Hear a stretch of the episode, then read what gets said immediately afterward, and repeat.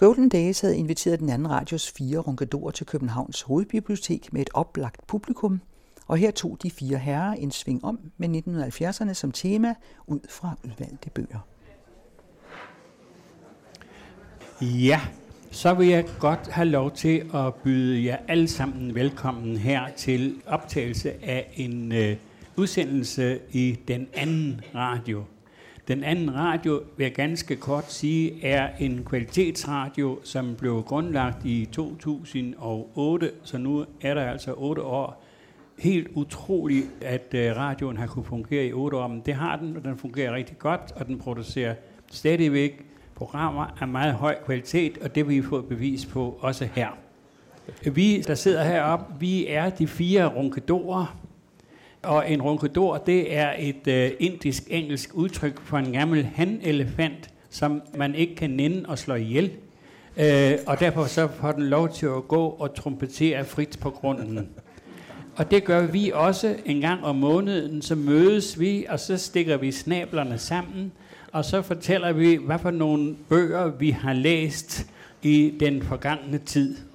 Og det har vi lige gjort i nogle år, og det er blevet til en lang, lang række af bøger, kvalitets øh, fag, mest fagbøger, som vi har læst, og som vi taler om, og øh, øh samtidig så diskuterer vi også, fordi øh, som en ronkedor, så mener man jo, at man selv sidder inde med både fornuft og sandhed, mens det kniver lidt med alle de andre. Mm.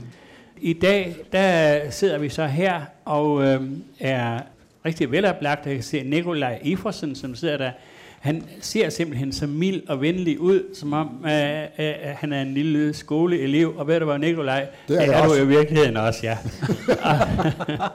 Mm, det er du aldrig kommet over, og tak for det. Og så sidder vi her, øh, Jens øh, Råhauge, som øh, øh, er øh, skolemand, og det vil vi få noget mere at, at vide om. Okay. Øhm, ja, det er du da. Forhenværende ja, ja, ja. skoleinspektør og alle de der ting, som er nødvendige for at opretholde skole. Og her øh, til min højre side sidder Georg Metz, og jeg hedder Egon Clausen, og øh, jeg øh, kommer ligesom Nikolaj også fra det gode gamle P1 i Danmarks Radio. Og vi er ikke sure på Danmarks Radio, det skal jeg lige sige. Vi er glade for, at vi har været der, men vi er også glade for den anden radio. Og med, med disse ord, så øh, tager vi nu fat på dagens emner. Og Nikolaj, hvis du kan være kort, så må du gerne lige sige, hvad det er, du har tænkt dig at tale om i dag. Jeg har tænkt mig at sige noget om 70'erne, som uh, det 10 år var redselsfuldt, men samtidig var det herligt. Der skete forfærdelige ting, og der skete rigtig mange gode ting. Og så vil jeg fortælle om det, som at vi overhovedet kan tale om 70'erne. Det beror nemlig på erindringer at vi har erindringer, at vi har en hukommelse, at vi kan huske noget, men vi skal lige lægge mærke til, at der er forskel på at huske noget og at erindre noget. Det vender jeg tilbage til. Tak skal du have. Jens, hvad, har du, hvad vil du sige noget om? Jeg vil sige noget om socialistiske børnebog i 70'erne, men det er skrevet i øh, erindringens milde skær af Torben Weinreich, som selv var en af bannerførerne, men han er blevet rundt med årene. Og jeg skal så lige sige, for at I kan glæde jer, at han har også fået skæg. Hvis I ser på forsidsillustrationen, omslagsillustrationen, så ligner det godt nok Torben Weinreich. Men det er Karl Marx. Men det er en freudiansk øh, forstregning, begået af Egon Clausen, ja. dengang han var billedkunstner. tak. og så er det Georg, hvad har du med? Jamen, ja, da det var 70'erne, så tænkte jeg, jeg må tage en bog, som gjorde indtryk på mig i 1970'erne, hvis jeg skal huske så langt, men erindrings øh, apropos. Men øh, jeg tog noget frem, som øh, kom frem i øh, min studietid, nemlig Henrik S. Nissens bog om samarbejds- og forhandlingspolitikken. Og det synes jeg var passende. Det var jo den generation af historikere, der øh, havde, om jeg så må sige, ikke selv en aktie i besættelsen, som der begyndte at udgive. Og Henrik S. Nissen udgav den her samarbejdet og forhandlingspolitikken. Og den synes jeg er vigtig at fremhæve her som en slags korrektiv til det, øh, der er blevet sagt om forhandlings- og samarbejdspolitikken. Jeg skal ikke nævne navnen, men Anders Fogh Rasmussen sagde blandt andet noget om det. Og det kræver, et, det kræver en kommentar. Og det gav han allerede i 1972, så må han må have tænkt på det i forvejen. Du har stort set ikke bestilt andet end at kommentere Anders Fogh Rasmussen igennem de sidste 10 år. Nej, det er sgu da også meget på sin plads. Ja. Og så øh, den bog, som jeg har med, er øh, den hedder Skolebog nummer 1. Og den er skrevet af Jesper Jensen og Per Schulz. Og den øh, indeholder blandt en hel del andet også programmet for den proletariske friskole. Den øh, er sådan en, en af de første udtryk for den marxistiske bølge, som kom i øh, den pædagogiske debat i, og som varede faktisk hele 70'erne igennem, øh, og omfattede både indoktrineringskampagnen og alle de der ting, som øh, har trukket så lange og dystre skygger efter sig. Men det vender vi tilbage til. Nu har vi hørt indholdsbetegnelsen, nu går vi over til kapitel 1. Værsgo, Nikolaj, nu må du få lov til at sige noget der. Det var om 70'erne. Ja, og du skal værsgo være frisk og glad, og hvis du ikke er det, så afbryder jeg dig. Nå, jamen, jeg, øh, jeg ved ikke, om jeg er glad. Uh, jeg Sådan ved heller ikke, om jeg er frisk, men... Uh, nej, det var det med det der, det, der rejsesfulde 70'er. Altså, sagen var jo den, at renten var op på 24 procent, og jeg havde lige købt hus. det, det var ikke morsomt. Så var der jo andre ting. Det var, at uh, ude i den store verden, i, uh, i Tyskland, man tog knap nok rejse til Tyskland, fordi Rote Armé drønede rundt dernede. Og der var, det var rejsesfuldt. I USA, der stod det heller ikke for godt til. Der var Watergate og Nixon. Og øh, hvis man ville ud øh, østpå, så var der Vietnamkrig og alt muligt. Der, det, det, det var for, men så var der gode ting. Og det var jo noget af hele frigørelsen. Der må jeg så sige, at 70'erne begyndte jo i virkeligheden i 60'erne. Altså, det der skete op gennem 70'erne, havde rod i det, der begyndte i 1960'erne. Mest, hvad skal vi sige, ikonisk med 1968, med studenteroprør og ballader og alt muligt andet, og den der kæmpe frigørelse. Den havde så også nogle forfærdelige ting med sig. Ikke? Man måtte ikke sige, øh, man måtte ikke være faktuel, det må man næsten heller ikke i dag, men øh, øh, professorer øh, øh, flygtede fra universiteterne, fordi de ikke havde den rette marxistiske holdning. Det var jo en del af det også. Nå, Det er vist en erindringsforskydning. det er præcis erindring, og øh, øh, du er ældre end mig, det går ikke godt, Egon, det kan jeg høre med din evne til at huske. Nå, men øh, Huske hvad? hvad, er det, jeg- hvad, hvad er det, vi snakker om nu? Øh, nå jo. Nej, jeg vil lige sige det der med at huske og erindre. Se, når man husker noget, så er det noget med et telefonnummer. Man kan huske sin bryllupsdag. Der er, der er nogen, der er gode til at glemme den, men all right. Men man kan huske sin bryllupsdag, men man erindrer, hvordan det foregik, hvordan det var, hvad man spiste, hvordan stemningen var, hvordan lugten var. Og det er forskellen på at huske og erindre. Det er, meget, det, det er værd at øh, holde fast i det.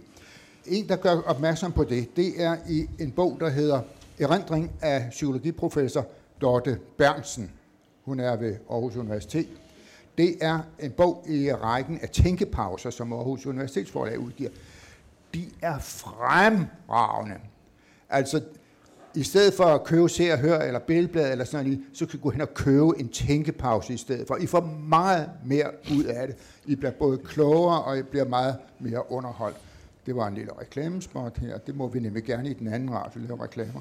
Øh, det, det, som uh, Dorte Bernsen hun, uh, stiller op, det er, at der er fire forskellige former for erindring.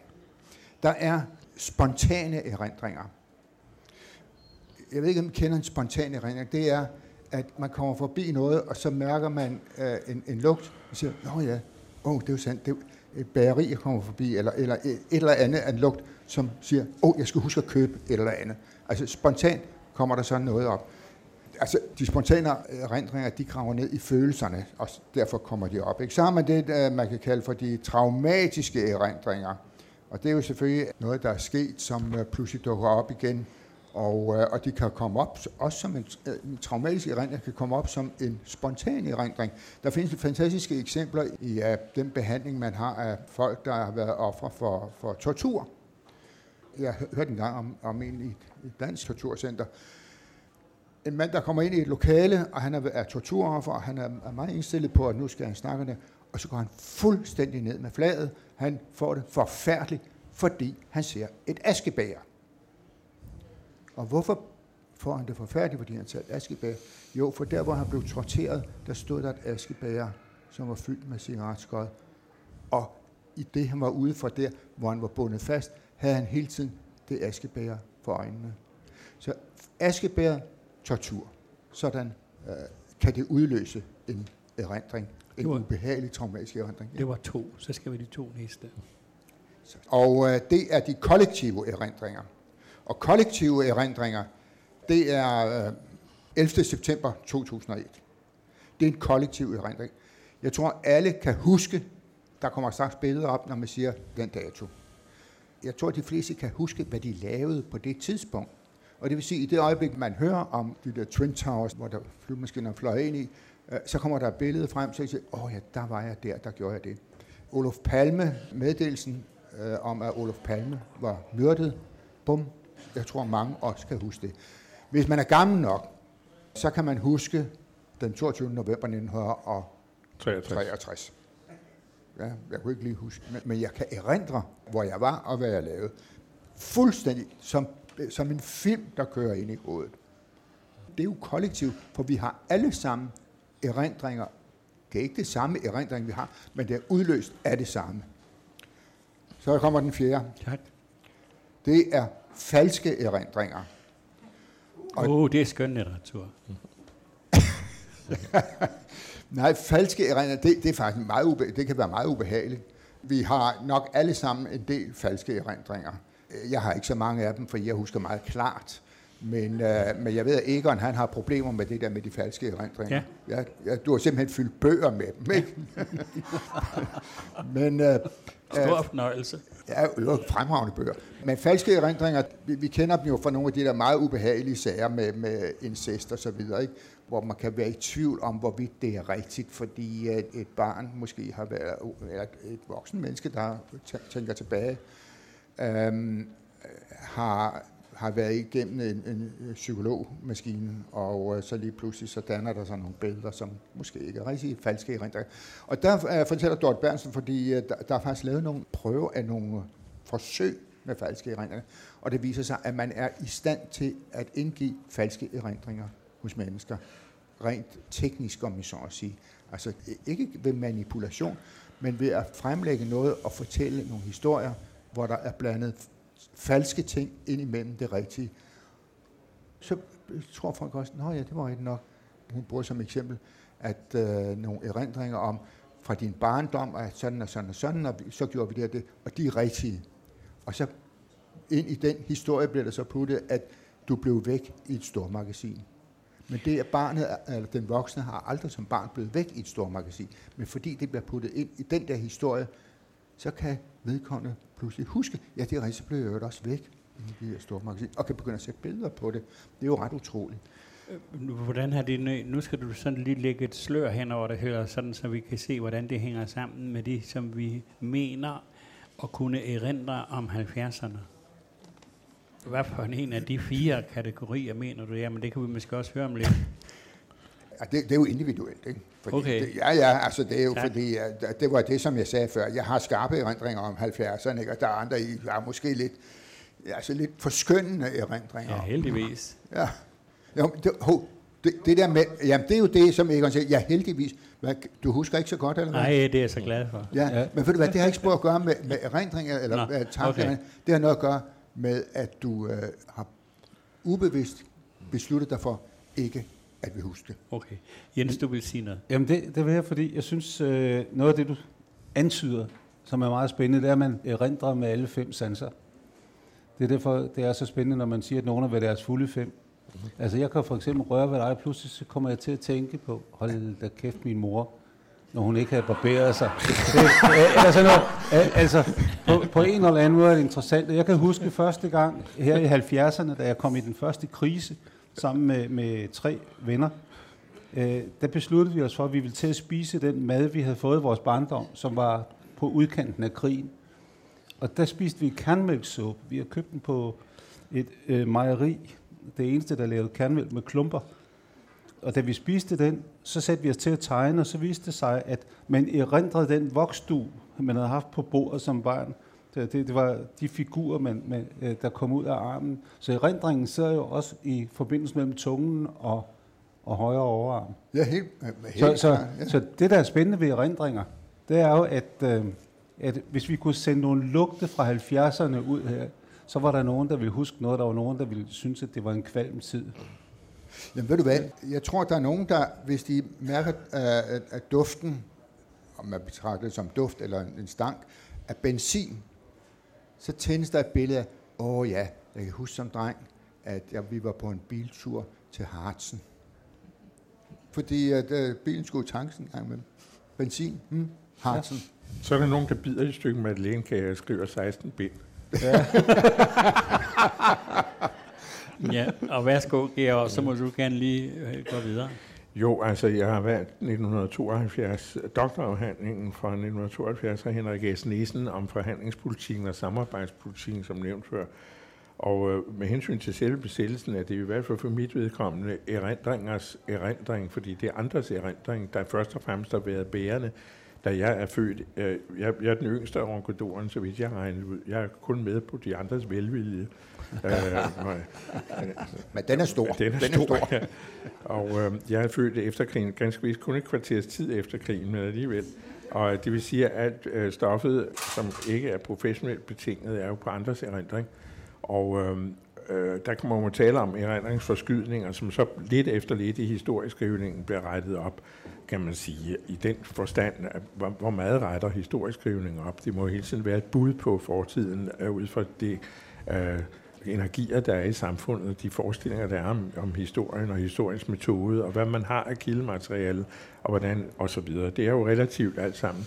Men alligevel er det jo en bestræbelse på at få et eller andet adekvat billede af fortiden, man forsøger. Der er den generation, som Nissen tilhørte, Kirchhoff-generationen. Jeg havde set Kirchhoff på universitetet, og det var meget inspirerende, fordi det var et andet syn på besættelsen. Den første professionelle beskrivelse af besættelsen blev foretaget af Jørgen Hestrup, og det var først og fremmest modstandsbevægelsens historie. Det var god historie, der er slet ikke noget at rafte om. Han var en stor historiker.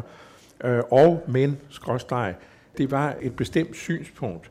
Og øh, uden for det, øh, kan man sige, de andre kræfter under besættelsen var kun sporadisk behandlet.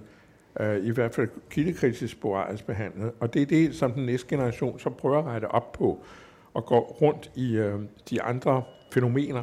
Og så først og fremmest jo altså finder ud af, hvad er det, der sker på officielt hold. Ikke alene i forhold til modstandsbevægelsen, men i sig selv. Hvad er det egentlig, der foregår øh, med og hvordan skal man betragte de her ting? I vores dage har vi jo fået slået det sammen, så det hele er blevet til samarbejdspolitikken, og det er i sig selv en forskydning af det, man talte om i samtiden. I det øh, samarbejdspolitikken, det var sådan set samarbejdet mellem de politiske partier med Stavning i spidsen og den samlingsregering, der blev lavet. Det var samarbejdspolitikken, og den var smertefuld nok. Øh, forhandlingspolitikken, det var det, man foretog sig over for tyskerne. Øh, det er altså to forskellige ting, og det er det, øh, for Rasmussen og andre, der beskæftigede sig uprofessionelt med den her periode, har slået sammen i et og kaldt det samarbejdspolitikken, hvilket skal give det et vist odiøst skær. Og det har jo ikke noget med, med historiesynet at gøre. Der er det næsten som den første forsøger at etablere et eller andet form for kritisk apparat over for, hvad de her størrelser var. Og der er det den gode historikers opgave selvfølgelig at finde ud af, hvad er disse grundvilkår? Det er jo meget godt 70, 60, 70, 80 år efter at sige, at vi skulle have været op og slås alle sammen, så var det jo gået meget bedre. Men det er jo ikke vilkårene. Sådan så verden ikke ud. Øh, det var alt for stor risiko. Jeg havde engang en øh, meget fornøjelig samtale med Jens Otto Krav, øh, der sagde noget, som lige i øjeblikket er det jo aktuelt, fordi der kom en roman om, om Scavenius. Så sagde Krav, jeg har altid beundret Scavenius. Fordi Scavenius, han vidste, at når man er statsminister, så er man statsminister for hele folket. Det kan ikke nytte noget, at man er heroisk for andres vegne. Der er gamle, der sidder på plejehjem, der er folk, der ligger på hospitalet, og det er meget flot bagefter at holde store skoletaler om, hvor tabre vi alle sammen er, eller skulle have været. Men sådan ser virkeligheden ikke ud. Det er med andre ord krav, som den udmærkede historisk tænkende person han var. Han så det også med datidens kritiske øjnes syn. Hvad var muligt? Hvad var overhovedet muligt at foretage sig? Og de danske politikere ser egentlig ganske klart, og det gør alle partierne, der er ikke andet at gøre end at rette ind efter det her, og så prøve at få det bedst muligt ud af det. Hvis vi ikke gør det, så får vi simpelthen slået det meste af befolkningen ihjel. De havde set, hvordan det foregik i Warszawa. Øh, tyskerne havde allerede i den 7. april vist ved en filmforvisning i håndværkerforeningen, øh, hvordan de var i stand til at lægge sådan en by ned. Og øh, det var jo ikke for sjovt, de viste den filmfremvisning for det indbudte danske publikum af politikere og erhvervsfolk og militærfolk. Det var simpelthen for at demonstrere, hvis det skete, og det gjorde det to dage efter, så er det altså sådan her, det foregår, hvis I ikke retter ind. Og der er det jo som sagt lidt bagefter i bagklodskaben, så og øh, både moral og, og synsvinkel at sige, at vi skulle have været op og slås alle sammen.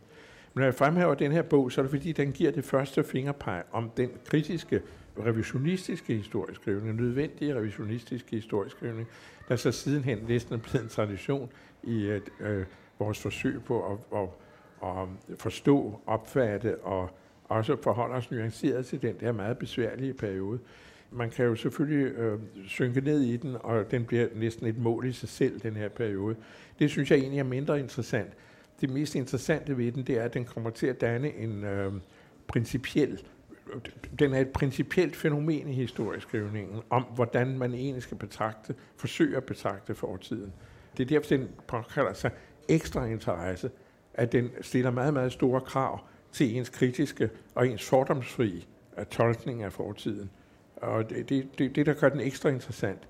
Og derfor vi kunne se også, hvor galt det gik med 1864, forskningen om 1864, fordi den proces har man egentlig aldrig rigtig været igennem i Danmark. Der har det også været et, en, i mange år i min skoletid, var det en fuldstændig fast forestilling om, at det var de der lede tyskere med den her modbydelige Bismarck i spidsen. Der var ikke en, der foreslog, at det måske også var på grund af en åndssvag ført dansk udenrigspolitik, eller lidt sindig ført dansk udenrigspolitik, at der altså også var et andet synspunkt på det, lige så vel som man så med besættelsen sagde, at de forfærdelige samarbejdspolitikere, de skulle bare have stået på modstandsbevægelsens side alle sammen.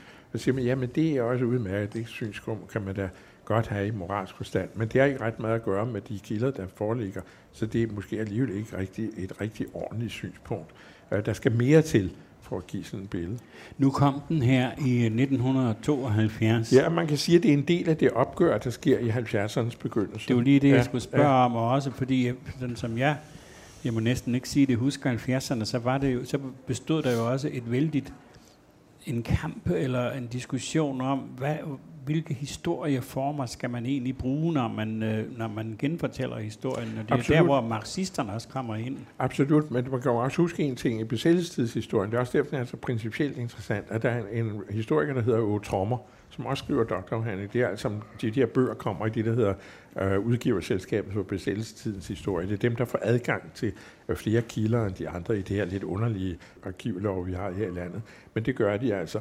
Og Otrommer skriver om jernbanesabotagen. Han var ved at blive slået ihjel af de gamle modstandsfolk. Jeg var selv til stede under hans forsvar i Odense, og det var lige før, han skulle have politivagt, da han gik ud. Fordi han skrev, som, øh, som blev aldrig blevet modbevist, at jernbanesabotagen havde overhovedet ingen betydning for den tyske krigsførelse. Overhovedet ikke nogen påviselig øh, betydning. Det var nålestik, som altså intet betød øh, i øh, krigsmæssig forstand. Men Ove Trommer understreger gang på gang i bogen, at den havde der mange andre former for betydning, fordi den var med til at afstive moralen, ikke mindst i modstandsbevægelsen, at det kunne lade sig gøre det her. Og lidt efter det, befolkningen også, som befolkningen gik med i forestillingen om, at det var rimeligt, at man ved siden af den her samarbejdspolitik, som foregik under hele besættelsen, også efter den sammenbrud, det skal man også lige huske, den fortsatte nemlig bare med andre midler, nemlig under departementcheferne og med politikerne ude i kulissen. Men altså, at der så i denne modstandskamp, i jernbanesabotagen, der viste man, at man gjorde noget. Og det var vigtigt, og det var vigtigt over for de allierede, at der foregik sådan noget. Men i krigsteknisk forstand havde den overhovedet ingen betydning. Og det, at Trommer skrev der og kunne bevise det, det var lige ved at koste ham livet, som sagt. Det var lige før, de jernbanen saboterede ham. Men altså 70'erne, sådan som øh, øh, jeg ser på det nu, så var det jo det Øh, årti, hvor det for alvor gik op for resterne af det danske borgerskab og den danske folkekirke, at de havde mistet den magt, som de hidtil havde haft over de store institutioner. Og der var så en periode, altså for, især folkeskolen, men, men øh, også meningsdannelsen som sådan, og det begreb, der hedder dannelse, det, der havde været under, under det, det der borgerskabs egentlig totale kontrol. Men, men i 70'erne, der brød det system sammen. Sådan husker jeg dem.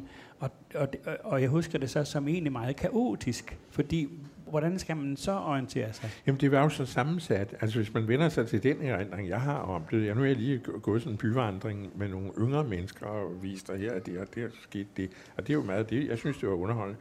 Og jeg talte dem, inden vi begyndte. Jeg talte dem også, da vi var sluttet. Og der var ikke nogen, der var faldet fra.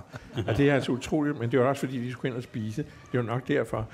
Jeg har også nogle gange gjort det med, med kanalbåde. Der kan de jo ikke gøre det, så kan de springe i vandet og svømme i land. Det går jo ikke. Men uh, her, det var udmærket. Og der, der øh, kom jeg i tanke om, at på Historisk Institut, der havde vi også et studenteroprør. Det, det var alle steder, men i virkeligheden begyndte det hos amanuenserne.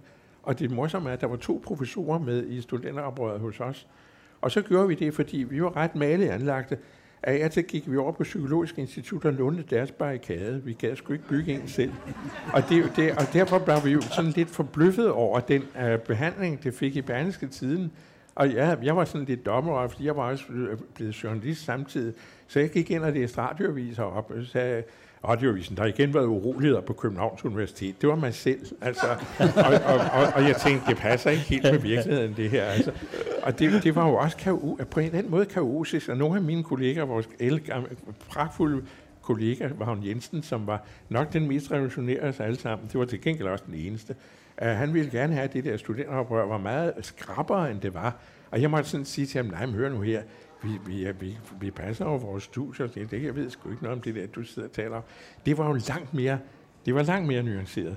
Og så skal vi lige huske på, at ude i landet, så skete der ikke ret meget. Vel? Det var Aarhus Universitet og Københavns Universitet, at i den side af det. Men så nedenunder, så foregik der nogle helt andre ting, som var til stor vrede og ophidselse. Så en af dem, det var opgøret med besættelsestiden. Og så samtidig med øh, mentaliteten, som den unge Claus Rifbjerg og Jesper Jensen, som du kommer ind på, øh, jo også lancerer med deres revyer, mm. at det pludselig en afheroisering af forestillingen om øh, besættelsestiden, og om det, der kom ud af det med, at vi skulle, altså nu skulle militæret have betydning igen.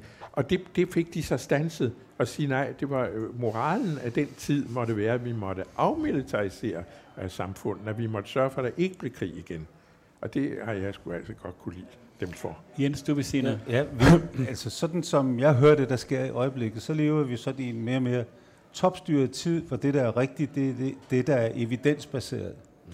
Så vil jeg godt spørge dig, hvorfor, øh, når nu der ligger en forskning så tidligt omkring den øh, politik, som blev ført, hvorfor er der overhovedet ikke nogen politiske partier, der øh, gør op med øh, den fornægtelse af evidensen, som har fået flertal? Altså, alle siger noget, at nu skal det være forskningsbaseret alt sammen. Og det, det eneste, det stort set aldrig er, det er forskningsbaseret, når de træffer beslutninger om sådan nogle emner. Ja, fordi det er her i landet, det tror jeg godt, man kan svare på, fordi øh, vores mentalitet over for historien, vores nationale mentalitet, hvis man kan tale om sådan en, har egentlig altid været meget lidt engageret. Øh, det vil sige, at politikere går ikke højt op i sådan nogle diskussioner. De lader sådan set sådan en mand som Fogh Rasmussen kører med det, når det nu var ham, ikke? eller hvem det nu er, der bruger historien på den måde. Lige vel som vores værdidebat, hvor man siger, at det meste er der jo noget vrøvl, altså det, det er jo ikke noget. Vi har det jo også med Grundtvig, hvor vi tit siger, altså som Georg Brandes engang sagde om Grundtvig, jamen det er jo vidunderligt, han er jo en pragtfuld digter, han er jo en af de store og en inspirator af, af Guds nåde, og et gammelt vrøvl. Altså, der, han har jo skrevet utrolig bunker sludder og vrøvl simpelthen, ikke? Og det er der jo ikke nogen egentlig politisk debat om. Hvis du går til et land som Tyskland eller Frankrig, så har man jo egentlig politiske debatter om den der historiske arv. Øh, det, det er langt mere grundfæstet i deres øh, akademiske, og, men også politisk tradition. Det har vi ikke her. Jeg tror, det er en, en, en stor national, og den tror jeg hænger sammen med, øh, at hele 1800-tallet var et langt nederlag. Mm. Og derfor var der ikke rigtig nogen, der ville beskæftige sig med det. Altså, at det var for, det var for smertefuldt. Det var en stor fiasko. Ja. Jeg tænker på, du, nu ser du Anders Fogh, og det brøl, han sagde der i sin uh, første nytårstale, var det? Ja, det er farligt. Nej, det var det nu ikke. Nej, altså, nej det var det ikke. Det var, nej, det, var, det, var, det, nej, det var på den anden Det, det, var, i, det var over forsøgkadetterne, ikke? Ja, det var og der, der, viste jeg, at jeg mødte nogle af dem, der bagefter sagde, at det der var jo ikke virkeligheden, han talte om, fordi der var ikke militærpolitiske muligheder. Det var rigtigt. Men det var noget andet brøl, han sagde i den første nytårstale. Ja, ja, ja. men, men uh, Nej, der siger han jo netop det, der ligger op til, fordi han siger, eksperter er vi selv. Ja, ja. ja altså, og vi skal nok ja. selv finde ud af, hvad der er evidens. Ikke? Og så siger han, det er jo ikke rigtigt, fordi vi kan, vi kan godt dele, altså vi kan godt være individuelle om vores meninger, og have vores meninger øh, øh mod, som det hedder. Ikke? som de siger, stå ved vores meningers mod. Det er helt i orden. Men vi kan ikke have den samme liberalisme over for kendskærningerne. Nej, nej. Den går sgu ikke. Men, men det slog mig, at Anders Foghs efterfølger, Lars Løkke, han på et tidspunkt sagde, at han var ikke så god til det der med historie. og, og, og så tænkte jeg, det var lige godt satan, at man er statsminister, og så har man ikke, hvad skal vi sige, et eller andet historisk med sig Det kan, jo være en fordel, det kan jo være en fordel for ham. Det kan du jo skrive en intermezzo om. Det kan. det men, men, men, så, Det men så tænker jeg på, at, at den tidligere statsminister, altså vi er mange år tilbage, Niels Nergård, ikke? han var så også historiker, Ja, det var men, han, men han skrev faktisk et fantastisk værk om hele forfatningskampen under grundloven af, af, af 1849. 49. Ikke? Ja. Tak. Så skal vi nemlig ile videre. Værsgo, Jens. Ja. Du har så med... Simon, nu kommer Jeg der sidder jo noget. her med en fantastisk blandingsbog, kan man sige, som for, forener hele erindringsstoffet med det historiske stof. Det er nemlig professor emeritus Torben Weinreich, der har skrevet om den socialistiske børnebog. Men den er udkommet øh, i 2015. Når, når, når jeg siger, det er en blandingsbog, så er det jo fordi, Tom Weinreich var voldsomt aktiv omkring etableringen af den socialistiske børnebog. Øvrigt sammen med en tegner, der hed Egon Clausen. Og så skriver han om den samme periode, og i øvrigt bedømmer blandt andet sit eget forfatterskab, nu her rigtig mange år efter.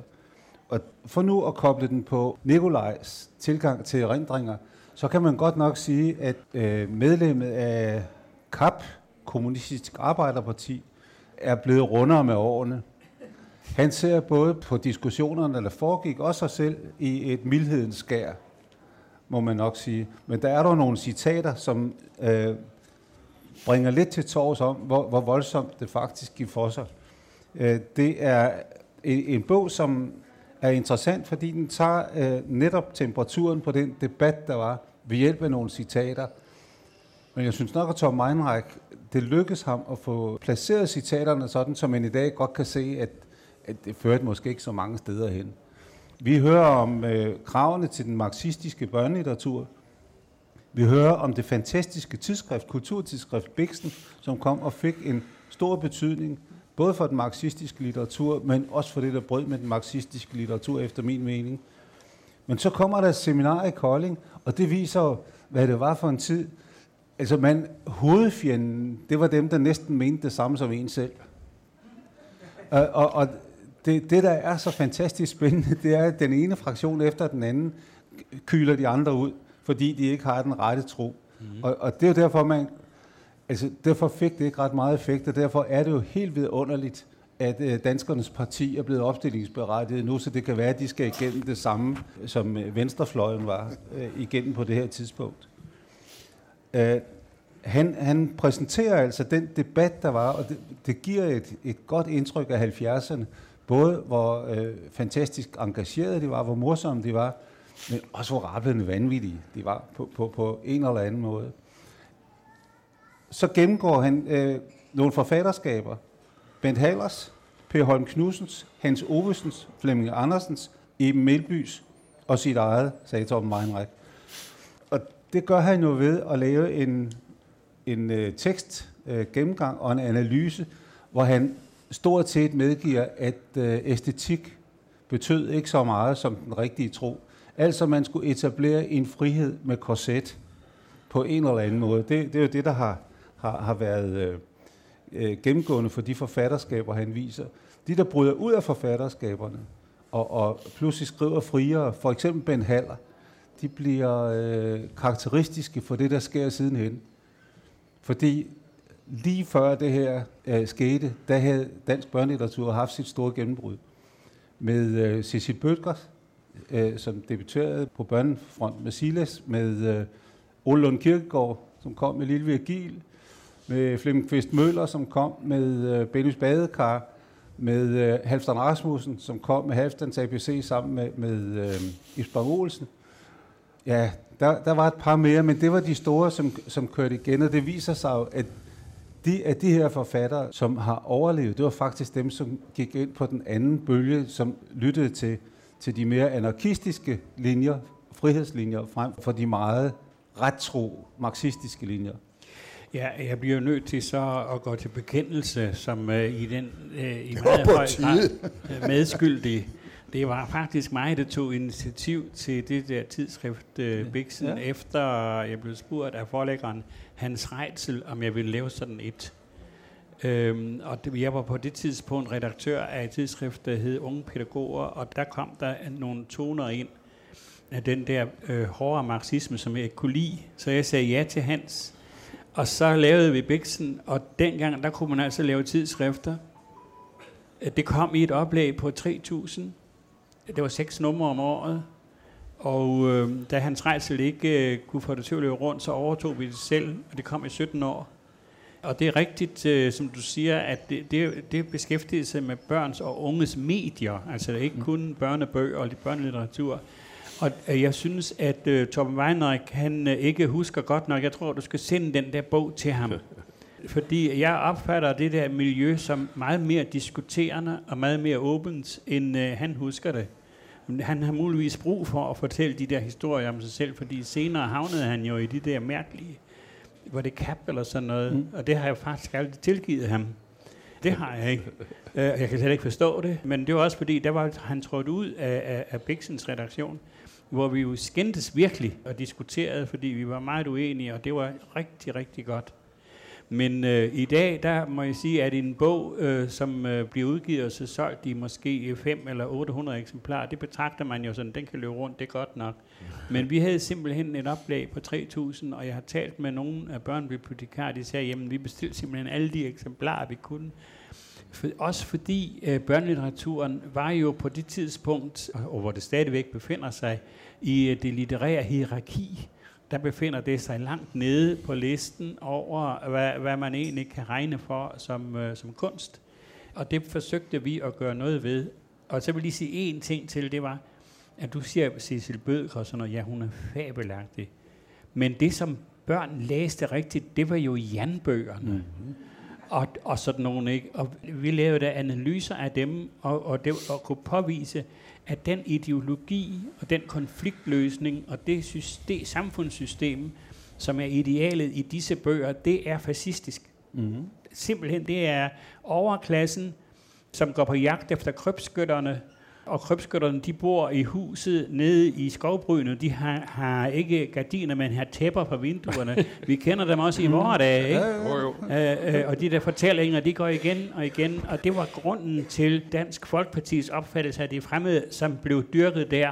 Så derfor så vil jeg sige, at Bixen, det, var altså, det gjorde altså en god gerning, selvom man nu må sige, at dets virkninger måske er forsvundet, det ved jeg Jeg, ikke. jeg er enig med dig i din bedømmelse af Bixen. Jeg synes bare, man er nødt til at sige, at Tom Reiners konstatering her er, at det øh, 70'ernes marxistiske børnelitteratur blev en parentes i børnelitteraturhistorien. Der, hvor jeg synes, der er grund til netop at se på de intense debatter, se på de mennesker, der deltog i dem, det er, at 70'ernes marxistiske børnelitteratur har, har øh, været med til at skabe et debatklima, som gør, at vi i dag har en eminent bibliotekssektor sektor for børn. Øh, børnebibliotekerne og skolebibliotekerne voksede her og, og blev, blev 20-doblet i, i den her periode, og, og det er måske det er egentlig sådan, så børn faktisk fik noget andet end janbøgerne Ja, at læse. ja. Men Jeg, jeg vil godt lige kommentere det der, fordi det der med, med uh, Bixen og uh, de der marxistiske strømninger og alt det der, og, og anarkiet og sådan noget der, det er jo meget interessant alt sammen. Og det fylder så meget, en 3 mm, I hvad? i en historiefortælling, der er en kilometer. Jeg har arbejdet i, det var så ikke 60'erne, der- i Sønderjylland. Altså, de der strømninger, der var også i 60'erne, de var jo ikke dernede. Det var de jo ikke rundt omkring i landet. Det, der, det var noget eksklusivt noget. Hele den der diskussion, hele den debat, der var der, den, den var eksklusiv. Skulle den da også være? Nicolai, nu skal jeg fortælle dig Jamen, noget. må jeg lige være, gøre færdig? Jamen. Den var så eksklusiv, at man lukkede øjnene for, hvad der reelt rørte sig ude i samfundet. Hvad der var af synspunkter, som betød noget for mange mennesker. Og den eksklusivitet, den eksisterede også i Danmarks Radio. Jeg kom i Danmarks Radio i 68, blev jeg ansat i Danmarks Radio. Og jeg kan huske, den var simpelthen så arrogant. Den, det kan du også huske, Gero. Du, Nej, det, fordi jeg var en af de arrogante. det er rigtigt, var du også. Ja, ja, det kan jeg godt huske. Ja. Ej, men der- var, der var en, altså, uh, kom ikke her. Altså, den var, det var den store forkromede, ikke? Jo, det var den ved Gud i himlen. De var jo alle sammen reaktionære, de der programchefer, bortset fra et par enkelte. Ikke? Jeg havde øh, Niels Grundet, som havde små politiskilte som øh, manchetknapper. Ikke? Og hans Morten Rubin var venstremand, og de, og Steiermann stod til højre for Christian den 8. Altså, de var, der, var sgu ikke, der var sgu ikke meget revolution i det der. Nej, men der var så mange medarbejdere ude omkring, øh, øh, som, som, som hjalp godt til på det, ikke? Ni- Nikolaj, jeg skal Jo, lige... det var der, altså, lad- lad det være med at- Jamen, Nikolaj, jeg skal lige... Ja, du skal lige... Altså, fordi du siger, at det var 3 mm, men sådan, sådan ser jeg slet ikke på det. Det kan godt være, at man kan finde sådan en eller anden, øh, hvis man laver sådan et, et samleværk øh, over Danmarks historien, så vil der komme tre sider af det. Men sådan fungerer tingene jo ikke. Både dengang jeg var i ungepædagog og i Bixen, så fungerer det som et miljø, hvor begavede mennesker bliver trukket til. Og jeg kender rigtig, rigtig mange folk, som sidder nu rundt omkring på uddannelsesinstitutionerne, eller har siddet, fordi vi er, blive, altså, vi er jo i gang med den anden ungdom, men uh, som, sidder, som sidder der, og der kommer professorer og rektorer og skoleinspektører og journalister og mediefolk og så videre. De har siddet rundt omkring, og det vil sige, at, at det miljø producerer også ja, men jeg, elite. jamen, Egon, jeg siger jo ikke, at det var betydningsløst. Jeg siger bare, det fyldte ikke noget i den... I den Det, pa- det, det passer ikke, Nikolaj. Altså, for hvis du kigger på, hvor det er det geografisk er foregået, så er det Kolding. Nogle af de skrappeste kom fra Odense, og øh, der var Aarhus Universitet var meget markant. Det er rigtig, rent faktisk alle Ja, i universitetsbyer. Kolding, Kold, ja, den røde højskole. Nogle af de mest firkantede af dem, der har deltaget i de her debatter, det er dem, der står bag den nuværende reform af sko- folkeskoleloven. Ja, sådan er livet.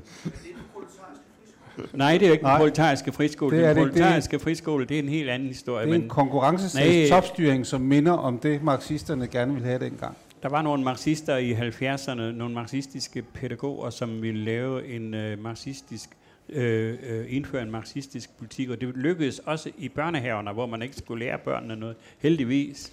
Men der, der havde man det, der hed den strukturerede pædagogik, og det er en forløber for det øh, system, som kører i folkeskolen i dag. Det var også nogen, der i Danmarks Radio ville have marxistiske programmer. Det, skal Ja, ja, jo, det- det, det jeg ved var- ikke, det var ikke Georg, det vil jeg godt lige have lov at sige. Men Det, det er igen en af de Men det der... fordi, du ikke det.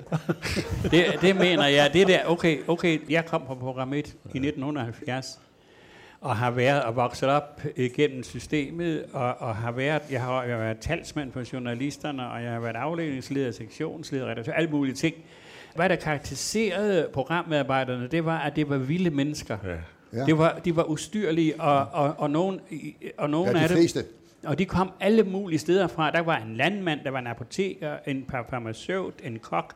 Og de havde det talent, der skulle til. Og der var en meget, meget, meget, meget stor respekt for det talte ord og det danske sprog. Men, men, men det, der du siger der, ved du hvad, det havde ikke en gang på jorden. De, de der vilde mennesker. Det kan jeg godt love dig for. Men det er ikke det, jeg vil sige noget om. Jeg vil fortælle noget om skolebog nummer et.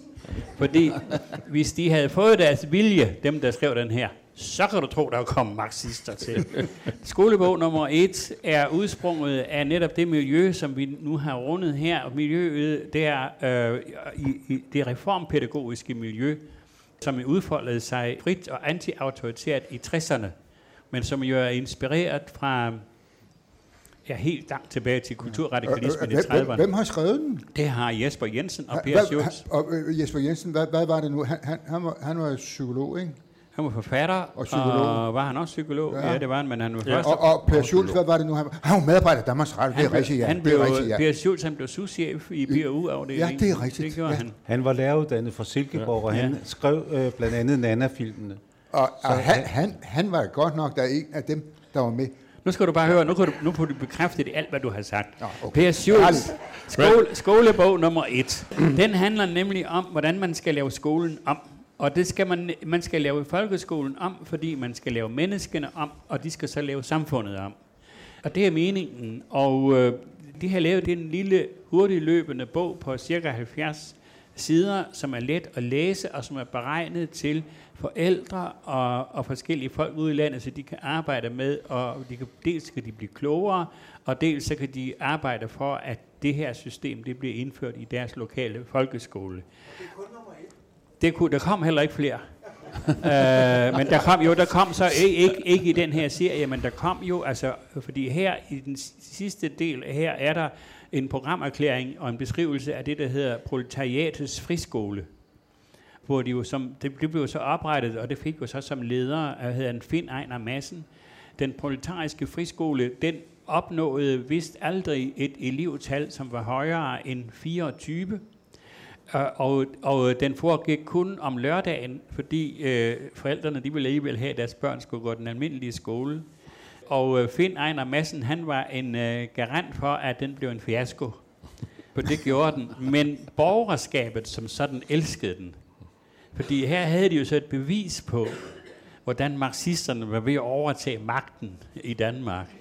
Og jeg har hørt øh, ude ude i, i Hellerup, der øh, var der engang nogen, der så en, en gruppe af de der øh, elever fra den, den øh, proletariske friskole, som gik med trækgevær over skulderen, for de skulle øve sig i at føre revolution. Og så gik de igennem øh, Hellerup, og så pludselig stansede det så en, der gav et tegn, og så råbte de, her bor de rige svin, her bor de rige svin. det, var, det var ret primitivt. Men... Øh, men den her bog er faktisk, jeg synes, den er rigtig god, for den fortæller også noget om, hvad det var for et spændende miljø, vi færdes i. Der var nemlig også, i hvert fald i 60'erne og stykker op i 70'erne, der var der plads til de, de anti-autoritære fornøjelser. Revolutionsromantik. Nej, det var ikke, det var ikke revolutionsromantik. Det var en, et nødvendigt opgør med en stiv øh, tænkning, som egentlig er, er udsprunget af den anden verdenskrig. De, de mennesker, som står bag den her reformbevægelse, sådan en som Henrik Sidenius, der blev skoleinspektør, han studerede statskundskab på Københavns Universitet, og så var han med i modstandsbevægelsen og betaget tyskerne. Og der kom han så i snak med sine fangevogtere, og opdagede, at øh, det, det var jo folk, man, som man sådan godt kunne snakke med, men når de gjorde deres pligt, så er det fordi, de var opdraget til lydighed. Og da krigen var slut, så besluttede han sig til, at han ville læse til lærer. Fordi han mente, at vi har ikke vundet over fascismen, før vi har fået skabt en anden mentalitet. En demokratisk, anti-autoritær mentalitet. Og derfor gik han ind i skolen sammen med rigtig, rigtig mange andre. De første lille skoler, de blev dannet ud fra nøjagtigt den samme øh, tænkning, at det her, det handler om, at vi skal vinde over autoritetstroen, lydighedstænkningen, og det kan vi blandt andet gøre igennem skolevæsenet. Og det er motivet, det er drivkraften i, igennem hele bevægelsen langt op i 60'erne. Og det, det synes jeg er meget flot, og så kommer, og, og det, det, det vokser jo, fordi det er jo sjovt og spændende. Altså vi mente jo dengang, og det mener jeg stadigvæk, at eksamen er af det onde, og vi skrev øh, artikler, der hed øh, Karakterer af svindel, øh, og andre øh, sådan t- centrale påpegninger, som jo nu fuldstændig er fejret af bordet, men det gælder jo stadigvæk. Og der var sådan en som Pia Møller, der hun havde fået sin lærereksamen med allerhøjeste karakter, så lavede de en, et arrangement nede på Kongens Nytorv, hvor hun brændte sine papirer af. Og Jesper Jensen skulle holde en tale, men der var optøjer, og det skete under bevæbnet politieskorte, fordi det, var, det at brænde eksamenspapir af blev anset på at være så samfundsnedbrydende. Så, øh, og der var rigtig mange af de ting, som i dag anses for at være ganske simpelthen indgroede elementer i den måde, man behandler børn på, som dengang blev anset for at være samfundsnedbrydende. I dag er reformpædagogisk tankegang om, hvad børn og opdragelse er, det er blevet folkeeje. Så selv Dansk Folkeparti går ind for nogle af de der elementer. Det er en fantastisk historie i sig selv. Men den her skolebog nummer et, jeg skal, den, er, den, er, den er, Jesper Jensen var jo god til at skrive viser. Og han har også skrevet, at I får lige tre vers.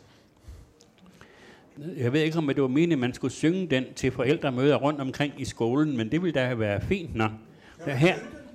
Nej, jeg kan ikke melodien, men det kan være, jeg kan denne. Du lærer for livet, men ikke dit eget. Du lærer i skolen for lidt og for meget. For lidt om det liv, som er dit. For meget om det, som giver dem profit. Du lærer at kappes på deres præmisser. Du får tildelt en rolle i deres kulisser. Og spillet er deres og ikke dit. Du er kun statist i et spil om profit.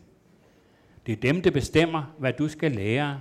Det er dem, der bestemmer, hvad du skal være. De stjæler det liv, du tror er dit, og bruger det i et spil om profit. ja, det er da godt. ja. Og, og sådan fortsætter bogen her, altså, og, og sådan en gennemgang af, hvad, hvad de synes, at man skal undervise i de forskellige fag. Blandt andet i noget, der hedder regning, det hedder vist matematik nu, det får jeg også lige. Mm. Ikke? I regning, står der, i regning lærer dine børn om arbejde, der graver grøfter, men de lærer ikke noget om, hvem der tjener på A, B og C's arbejde. De regner regnestykker med forskellige akkorder, men de lærer ikke noget om, hvem der har glæde af en hårdere akkord, og de lærer ikke noget om, hvor træt man bliver. I regning lærer dine børn om aktier og obligationer, men de lærer kun om, hvordan man regner renter, provisioner og kursgevinster ud. De lærer ikke dine børn, hvem det er, der skal betale renterne, eller hvorfor der skal betales renter. Skolen lærer ikke dine børn om forskellen mellem folk som dig, der betaler renter, og andre, som lever af dem. Ja, ja. ja så det var, havde været en god undervisning, og det her, alt sammen det her, det forskrækkede simpelthen øh, det danske borgerskab så meget, så et par år efter, så stod der på forsiden af Berlinske Tidene, at den danske sko- folkeskole er ved at blive overtaget af marxister. Hvis man begynder at undersøge, hvad der ligger bag ved det, så er der intet. Der er intet. Der er ingen beviser for det, og det er påfaldende. Nej, gudskelov. Det ved jeg som ikke. Det, det, jeg, jo, det kan jeg Det godt kunne da godt have givet en... Nej, det, det vil jeg nu ikke diskutere, men men, nej, nej. men i Berlinske Tidene, det var den politiske medarbejder, og ikke skolemedarbejderen, som lavede et samtale med, øh, med direktøren for folkeskole, hvad hedder det, direktoratet, som hed Asger Bavnsberg Jensen, som sagde, jamen det er rigtigt nok, det marxisterne, det er ved at overtage skolen. Og der var altså ikke nogen marxister. Det er der. Jeg, har, jeg har undersøgt, så, så vidt nu kun, der, der har ikke været en eneste, men de troede de på. Og der gik jo så en storm af en vældig storm af kritik af det, der hed indoktrineringen i den danske folkeskole. Ja. Altså i forud var der jo gået en lang periode med kritik af danske skolebøger og deres indhold, hvor man kunne påvise, hvad der, hvad der, hvad, altså, hvad der for noget slud og brag, der stod. Altså, jeg har selv været med til at lave nogle af de der ting. Altså, for eksempel, dengang, der var der altså nære til i skolebøgerne. Og der stod om Livingstone, kan jeg huske, en af de mest brugte historiebøger, at han måtte kæmpe imod krokodiller, vandfald og vilde nærestammer. Ja ja, det er jo rigtigt. Det skulle han jo. Jamen, det er rigtigt. Det er fuldstændig... Det, det, det, altså, og, og, Øh, og, og da Anker Jørgensen var formand for Dansk Arbejdsmands Specialarbejderbund, så lavede de også en analyse af danske skolebøgers indhold, både med hensyn til de, de der fordomme, som de producerede, men også hvordan netop forholdet mellem arbejder og arbejdsgiver blev beskrevet. Ikke? Og det forskrækkede borgerskabet så meget, så det der kom. Og samtidig så skete der det jo, at Nørrebro og Vesterbro og hvad det blev ryddet. De nye forstadskommuner, Gladsaxe, Bagsvær, Ishøj. De folk, der flyttede derud, de byggede så mange skoler, der kom unge, friske lærere ud, som var antiautoritære, og det kunne de, mange af de mennesker, der kom inden fra broerne, det kunne de ikke forstå. De synes, at børn, de skal fandme lære at opføre sig ordentligt og gøre, hvad de får besked på, og hvis ikke de kan det, så kan de få et par på kassen. Så fik de nogle lærere, som mente noget fuldstændig andet. Det gjorde dem vildt udtryk, og det gav grobund for Erhard Jacobsen, og, og havde han Burhardt i Bagsvær, og, og i Ballerup var det, og Per Madsen i uh, Ishøj, i, i, i, i Albertslund, der, der gik det fuldstændig anderledes, men det er også fordi befolkningssammensætningen den var anderledes. Og det gik gennem hele 70'erne og trak så dybe spor. Og den dag i dag er det sådan, at hvis øh, en af de der gamle konservative ser et menneske, som ser ud til at være intelligent, så tænker det er sgu nok en kommunist. men, men Inger, det, det, det er meget interessant, fordi jeg tror, det var ved, det, Georg, han kan huske sådan noget, uh, i folketingsvalget i 73, at uh, Erhard han trak den der kanin op af hatten med skolen i Albertslund. Ja, det er rigtigt. Var det ikke det? Og, og, og, og det sagde man så var medvirkende til, at CD kom i Folketinget. for det var i 73, det skete. Og det er meget interessant, øh, fordi øh, i Gladsaxe, der var en, i hvert fald en skole, som var meget progressiv. Marieløs skole i Ærens Kommune. Jamen, det, ved du hvad, Erhard arbejdede for at gøre skolevæsenet i Gladsaxe til det bedste i Danmark. Han hentede rent faktisk Henrik Sidenius hjem over fra Fyn, hvor han sad på Rokerskolen, og de fik lavet Værebroskolen, som blev et mønster. Det var Erhard, der gjorde det. For- Det var først senere, Erhard han fandt ud af, at da han, jeg tror det var fordi, han ikke blev minister. Ja, det var det. Han blev minister. Nej, det gjorde Nej, han ikke. han havde gjorde købt jakkesættet, Nej. men han blev Han ikke blev minister. minister. Altså, han blev meget bitter over det, Ja. og han, han var meget utryg ved de nye socialdemokrater, der kom. Og var- det var Rit Var, han, var, Bjerregaard. han var der minister uden portefølje. Nej, det bliver han aldrig. han Jo, aldrig? nej, nej, nej det, jamen, ikke i socialdemokratiske regeringer. Øh, bliver han det under øh, Nej, jeg mener det ikke, øh, men, men det skal vi Jo, nu ikke hænge og se. Ved du hvad, det er jo, det. Han blev minister uden portefølje, det er du ret i, men okay, ikke, må- ikke, i, Ikke- ikke, okay. under Anker. Vores, vores, vores tid er ved ja. at være løbet ud, og må jeg godt lige så Hvorfor bruge det? den sidste diskussion her til som et eksempel på, at det som Nikolaj fortalte om i begyndelsen, at når vi skal erindre, så er vi så upræcise. Og, og med disse ord, så vil jeg godt have lov til at sige mange tak for jer. Og husk nu at stille ind på den anden radio. Det er virkelig godt.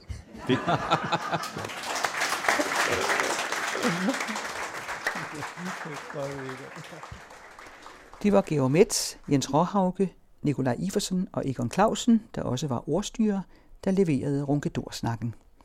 Bøgerne, der blev diskuteret og var inspirationen til snakken, var Henrik S. Nissens 1940, Studier i forhandlingspolitikken og samarbejdspolitikken, Jesper Jensen og Per Schultz, Skolebog nummer 1, Torben Weinreichs Den Socialistiske Børnebog og Dorte Bernsens Erindring.